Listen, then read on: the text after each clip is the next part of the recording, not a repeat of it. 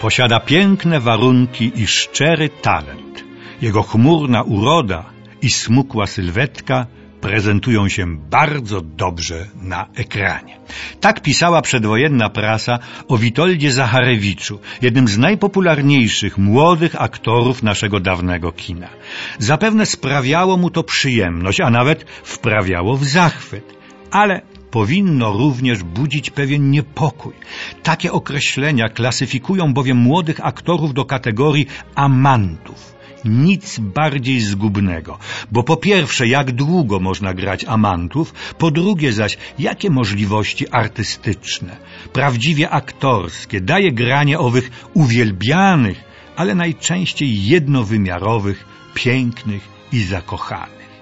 Czy te obawy się potwierdziły? Nie ponieważ artystyczna kariera Witolda Zacharewicza, jego życie przerwane zostało w brutalny sposób, kiedy miał zaledwie 29 lat.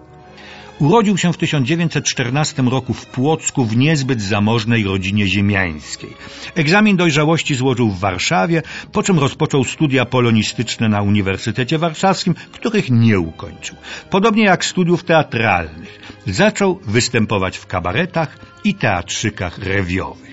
Po raz pierwszy pojawił się na ekranie w 1934 roku w bardzo dobrym filmie Młody Las świetnego reżysera Józefa Leitesa. Film opowiadał o opartym na autentycznych wydarzeniach z roku 1905 buncie i strajku polskich gimnazjalistów skierowanym przeciwko rusyfikowaniu szkół.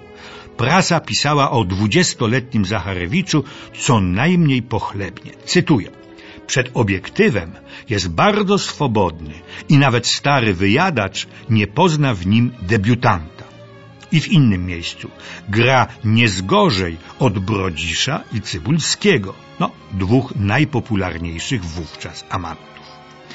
Witold Zacharewicz grał w komediach, filmach historycznych, m.in. Barbarze Radziwiłłównie, Króla Zygmunta Augusta, w ekranizacji opery Halka i w arcymelodramatach Znachor i Profesor Wilczur, Gehenna czy Druga Młodość. W tych ostatnich krytycy zauważyli już pierwsze objawy owej choroby amantowej. Ale Witold Zacharewicz przeżył nie tylko na ekranie, także w życiu niezwykłą miłość. Z tym, że zainicjował ją nie on, lecz ona, Smarkula, potfruwajka, jak się wtedy mówiło, która zobaczyła go na ekranie w kinie z Duńskiej Woli we wspomnianym filmie Młody Las i zakochała się od pierwszego wejrzenia. Była osobą, którą nie zrażają żadne przeszkody, a te na drodze do gwiazdora ekranu piętrzyły się bez końca. Najpierw trzeba było znaleźć się w jego pobliżu potem zwrócić na siebie, nastolatkę, jego uwagę, a w końcu najtrudniejsze, go w sobie rozkochać. A jednak jej się to udało. W jaki sposób? Ta opowieść warta jest każde pieniądze. Znam ją ze szczegółami od samej bohaterki, czyli pani Haliny Zacharewicz, która w tym roku kończy 83 rok życia. Mieszka w Warszawie, cieszy się dobrym zdrowiem, jest pełna wigoru i wdzięku. To Witold podsuwał jej książki, które sam czytał. Uwielbiał przeminę z wiatrem. Razem chodzili na koncerty, do teatru i oczywiście do kina. Witold nauczył ją też prawdziwie całować. W 1938 roku Witold Zacharewicz powołany został do wojska, służył w jednostce łączności w Zegrzu. Z przyszłą teściową jeździła do niego, zaniedbując szkołę. Pierwszy raz była na wagarach, kiedy Witold składał przysięgę. Po powrocie z kampanii wrześniowej pracował w warszawskich kawiarniach, a potem w jawnych teatrzykach, bo rodzina miała się powiększyć, a nie byli formalnie małżeństwem. Co więcej, przyszła matka nie była jeszcze pełnoletnia.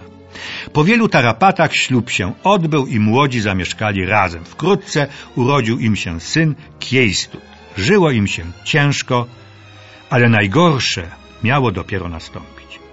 Witold Zacharewicz pośredniczył w załatwianiu tzw. Tak lewych papierów dla polskich Żydów. Niestety Polak, mecenas, współpracujący z gestapo, spowodował aresztowanie całej kilkunastoosobowej grupy, w tym Witolda i jego matki. Z więzienia na Pawiaku wywiezieni zostali do obozu śmierci w Auschwitz. Pani Halina otrzymała od męża, przechowuje je niczym relikwie, trzy listy.